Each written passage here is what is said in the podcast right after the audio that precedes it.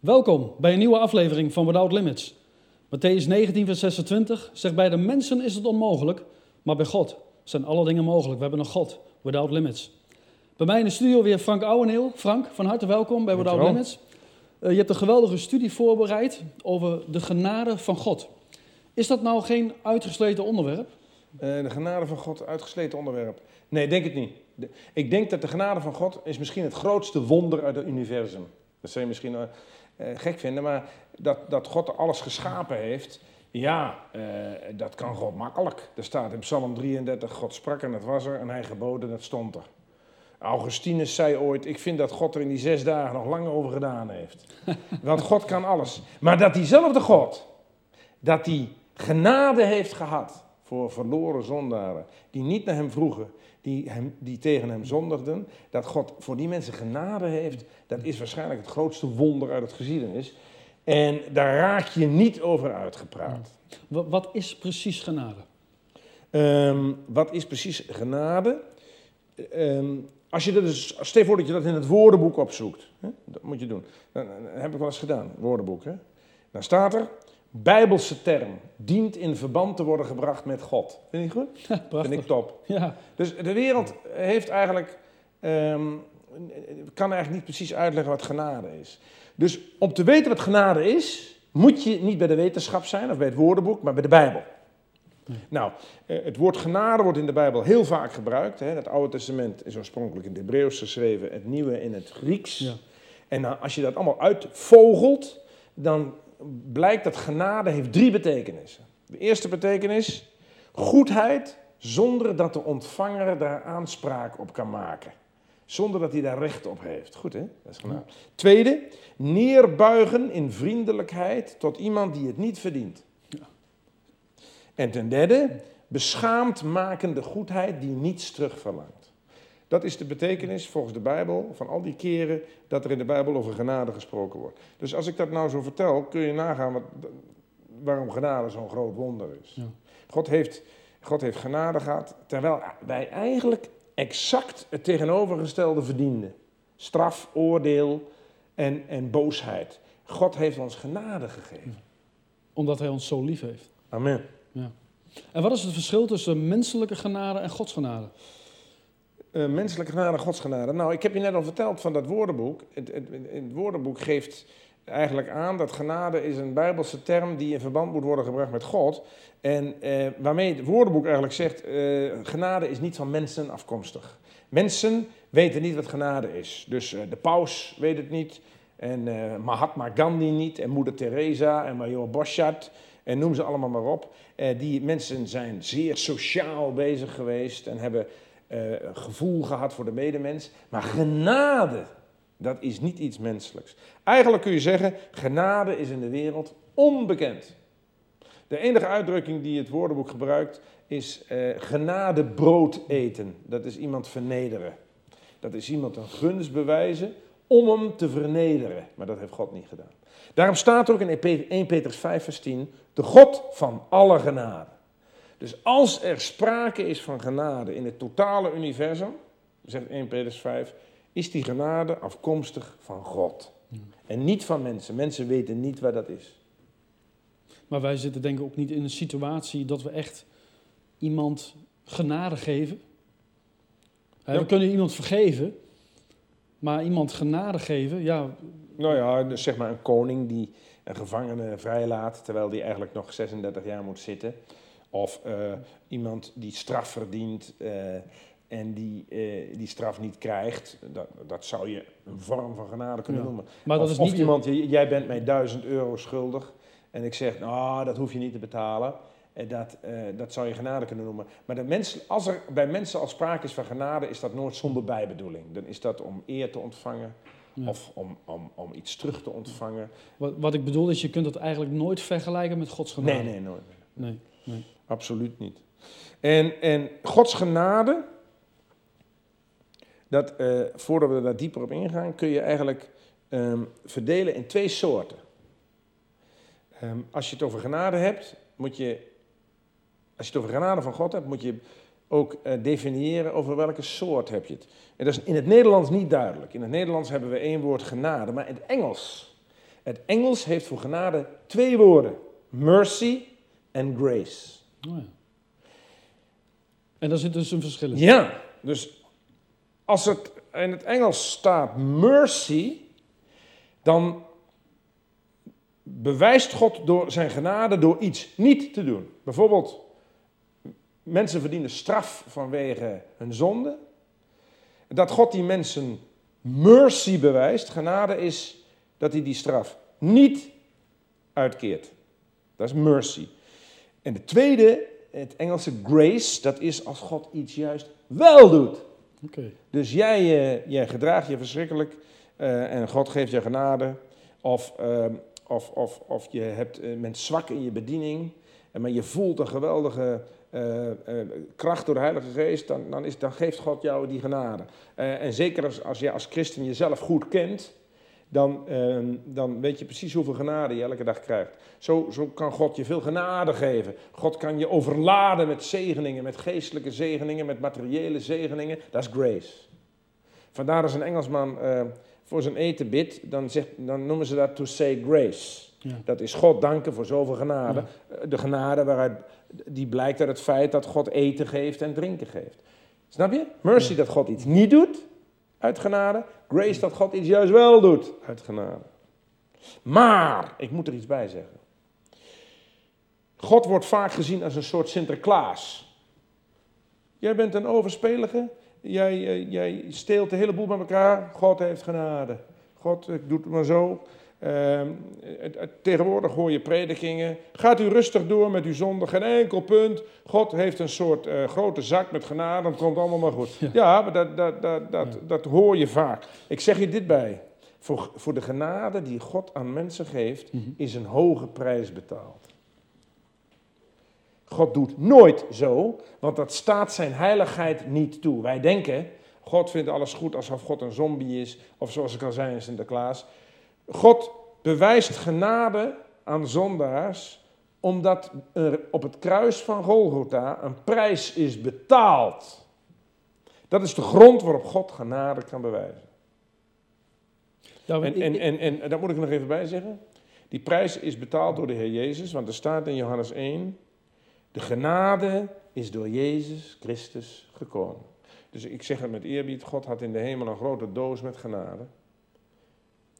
En, de Heer Jezus is naar de aarde gekomen en hij heeft die doos met genade meegenomen. Naar de aarde.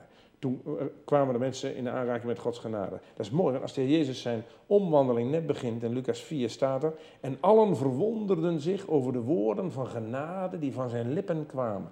Dus zodra de Heer Jezus aan het begin van zijn omwandeling begint te spreken, verwonderen de mensen zich over de woorden van genade. Dat waren eigenlijk de woorden, om zo te zeggen, die hij van God meenam. En, en, en waarmee hij de mensen liet kennismaken met Gods genade. mensen waren er niet gewend hoe hij sprak. Ja. Ja. Ze verwonderden zich over de woorden van genade. Dus zodra hij begon te spreken, waren dat woorden van genade. Dat is natuurlijk geweldig. Dat is natuurlijk geweldig. En jij had het net even over dat, dat er sprekers zijn die zeggen, nou ga maar door met je zonde. En of dat er mensen zijn die dat zeggen. Ja, je hoeft je zonde niet te beleiden. Maak je geen zorgen. God is genadig. God, God, Ja. God geeft een blanco cheque uit. Ga rustig je gang en het komt allemaal goed. Eh, en, eh, dat, dat zegt Paulus meermalen, ook in de Romeinenbrief. Zouden wij zondigen opdat de genade toenemen? God heeft genade bewezen, maar wij moeten nooit vergeten dat er een prijs voor is betaald. En, en, en zodra, zo, laat, zo, zo gauw wij dat zien, de prijs die voor Gods genade is betaald, dan, dan, dan, dan zijn wij dankbaarder voor die genade. En dan zien wij dat ook niet als iets vanzelfsprekend. Ja. Dat God zoveel genade heeft gehad, dat Hij mij niet heeft veroordeeld, maar eeuwig leven geeft. Dat Hij mij elke dag voor mij zorgt. En dat Hij eh, eh, mij sterk maakt waar ik zwak ben. Dat is genade. En een, een mens is van nature zondig. Moeten wij iedere dag onze zonde beleiden? Ja, absoluut. Eh, want, eh, of iedere dag, eigenlijk na elke zonde. Ik heb wel eens gehoord van een gezin waarin kinderen, maar dit staat iets buiten het onderwerp, waarbij kinderen als ze iets fout hadden gedaan, onmiddellijk op hun knietjes moesten om het te beleiden. Hoe eerder je het voor God beleidt, hoe eerder het weg is. Hoe Ja. langer je daarmee wacht, eh, hoe verstopter je pijpleiding tussen jou en God raakt. Maar dan zal God, omdat er een prijs betaald is, uit genade je vergeving schenken. Ja, amen. Maar het is dus heel belangrijk om goed samen te vatten. God heeft zijn genade bewezen door in mijn leven iets niet te doen, mij te veroordelen. God heeft zijn genade bewezen door mij elke dag te zegenen.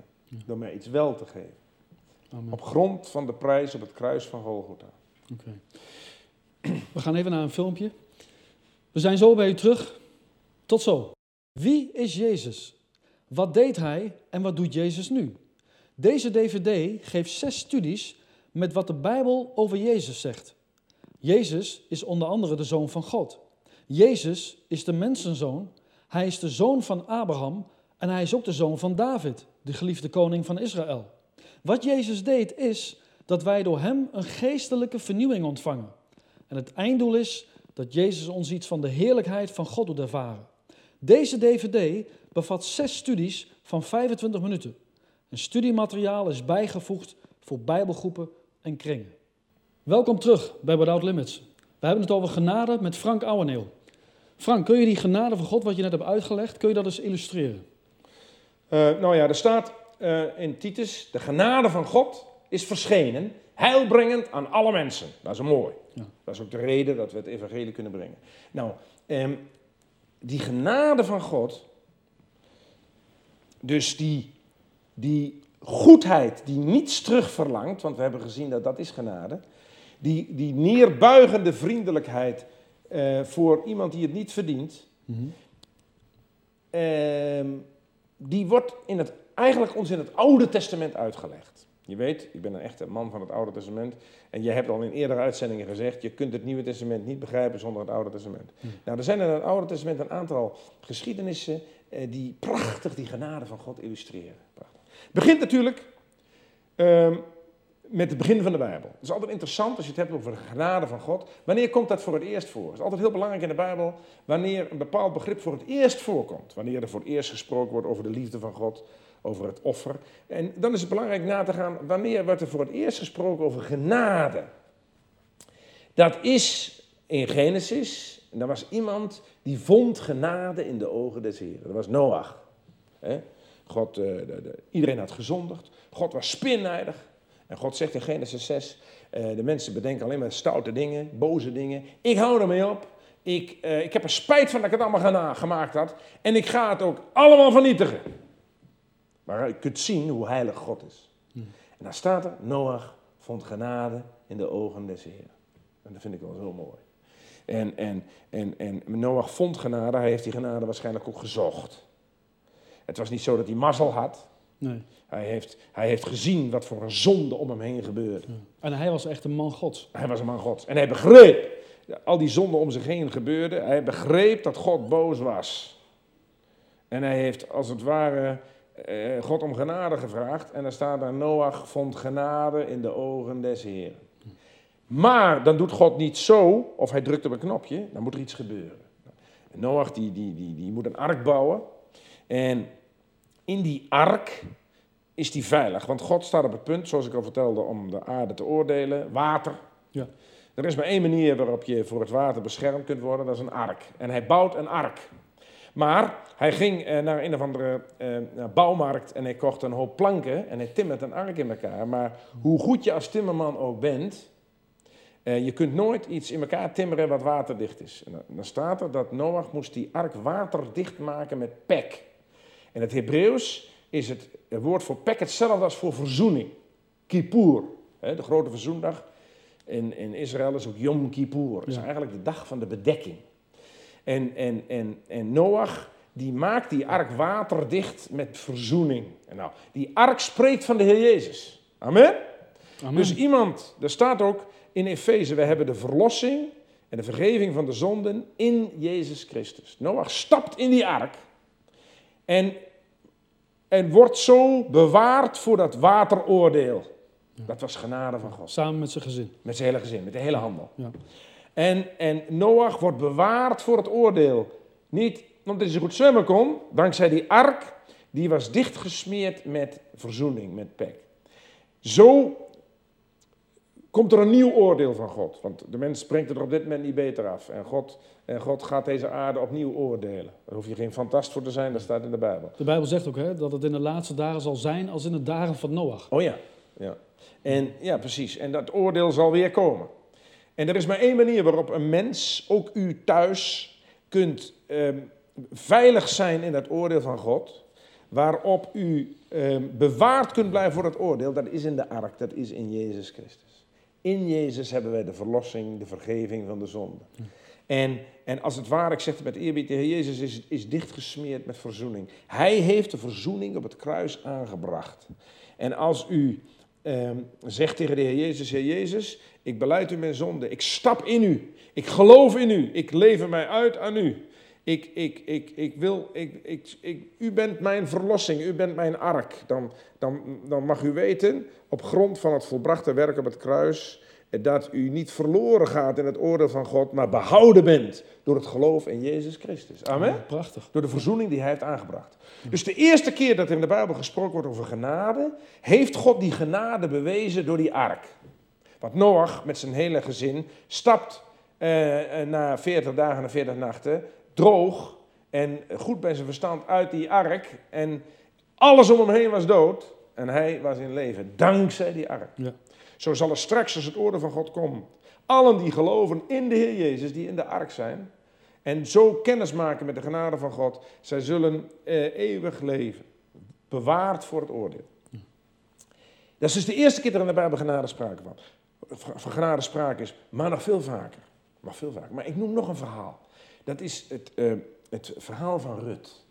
Dat is ook mooi, dat is ook zo geweldig. Want uh, bepaalde uh, beginselen uit het Nieuwe Testament bijvoorbeeld genade, eh, zoals we al vaker gezegd hebben, vind je toegelicht in het Oude Testament. Rut, Rut.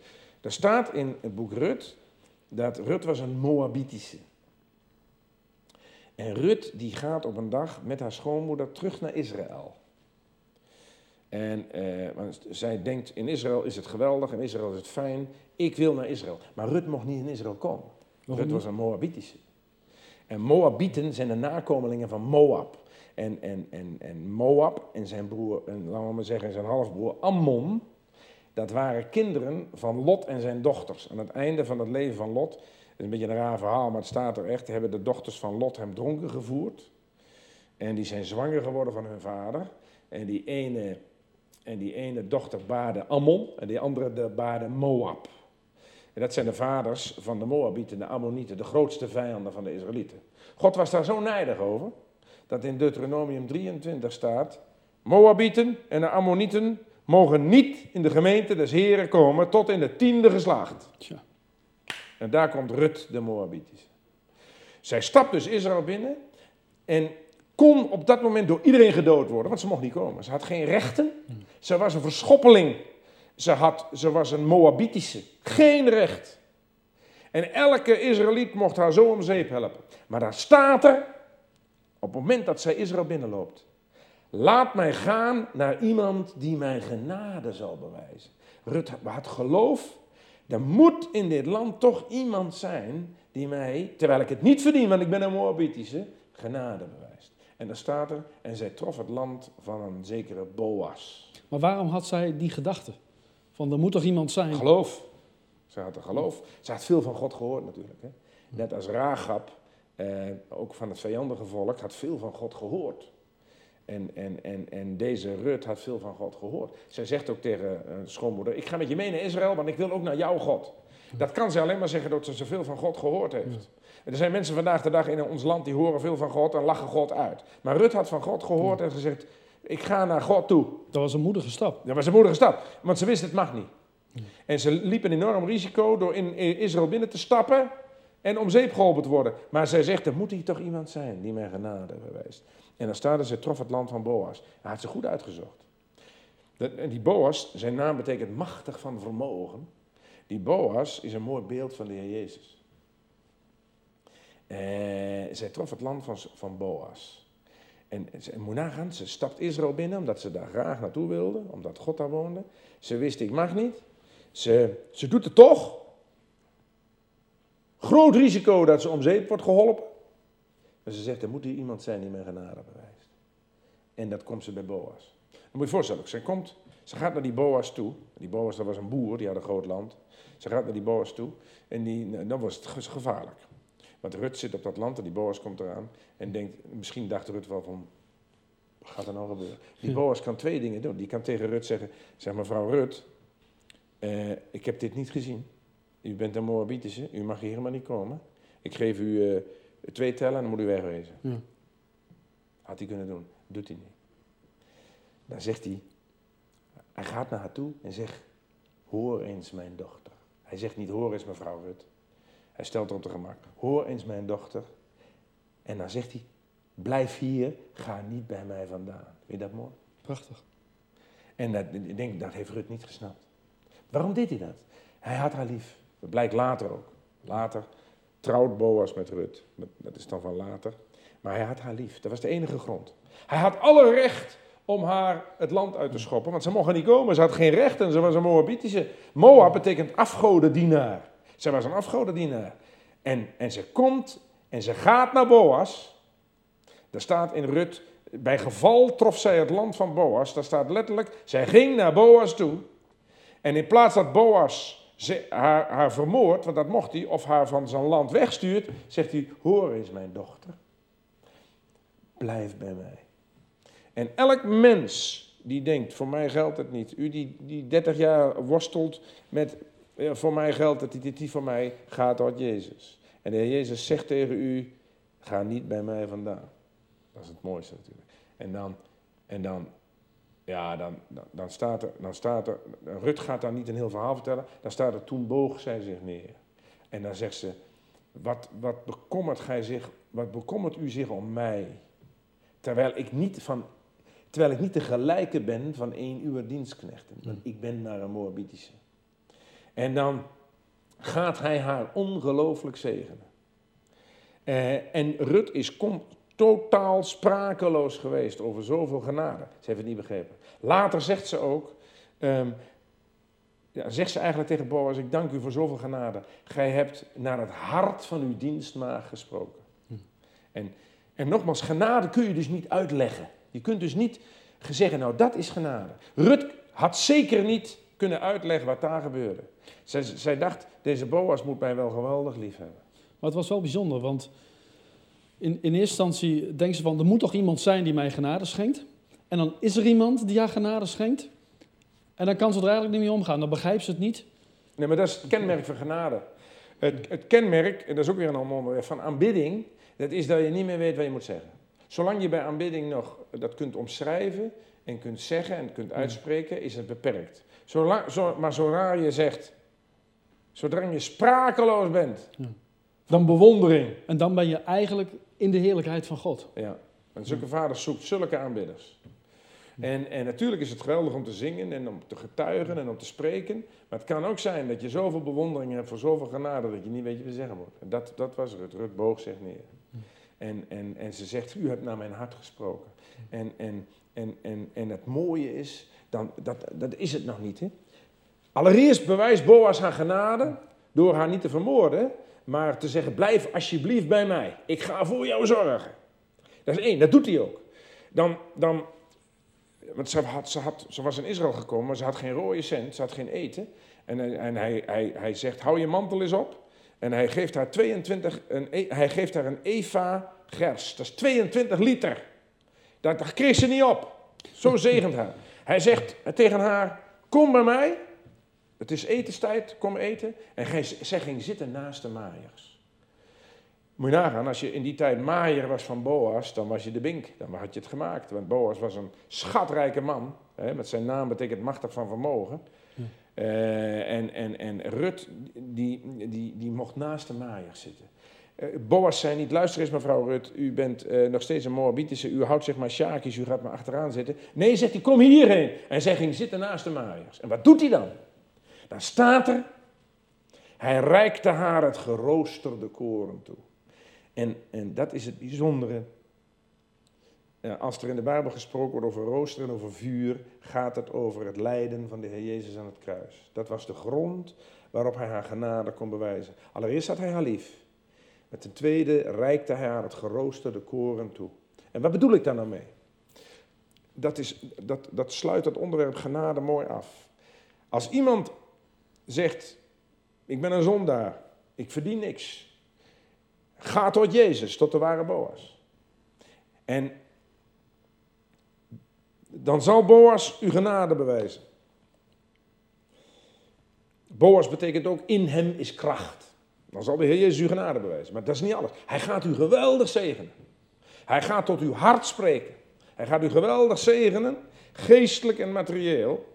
En hij zal tegen u zeggen: Kom hierin. Je mag zitten naast de maaiers. En, en, en, en, en dan, zal, dan zal de Heer Jezus eh, zichzelf aan u openbaren. Maar, dat geroosterde koor.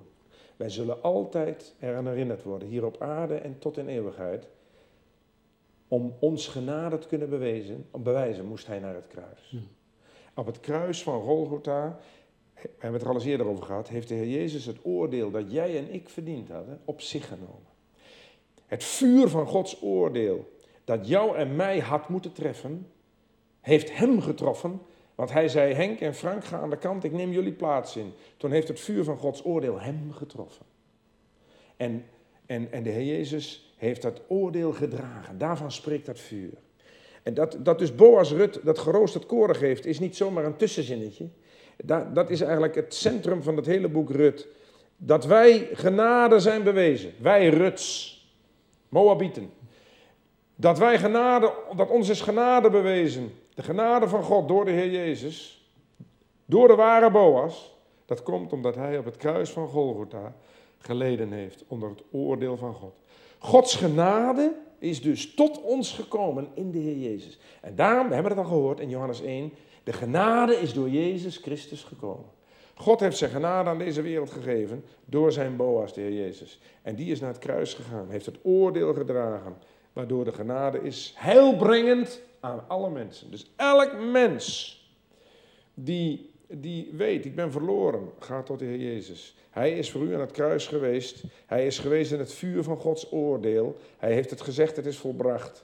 Hij, de ware Boas, heeft u in verbinding gebracht met Gods genade. U gaat niet verloren, maar hebt eeuwig leven. Op grond van zijn volbrachte werk op het kruis van Golgotha. Gods genade door Jezus Christus.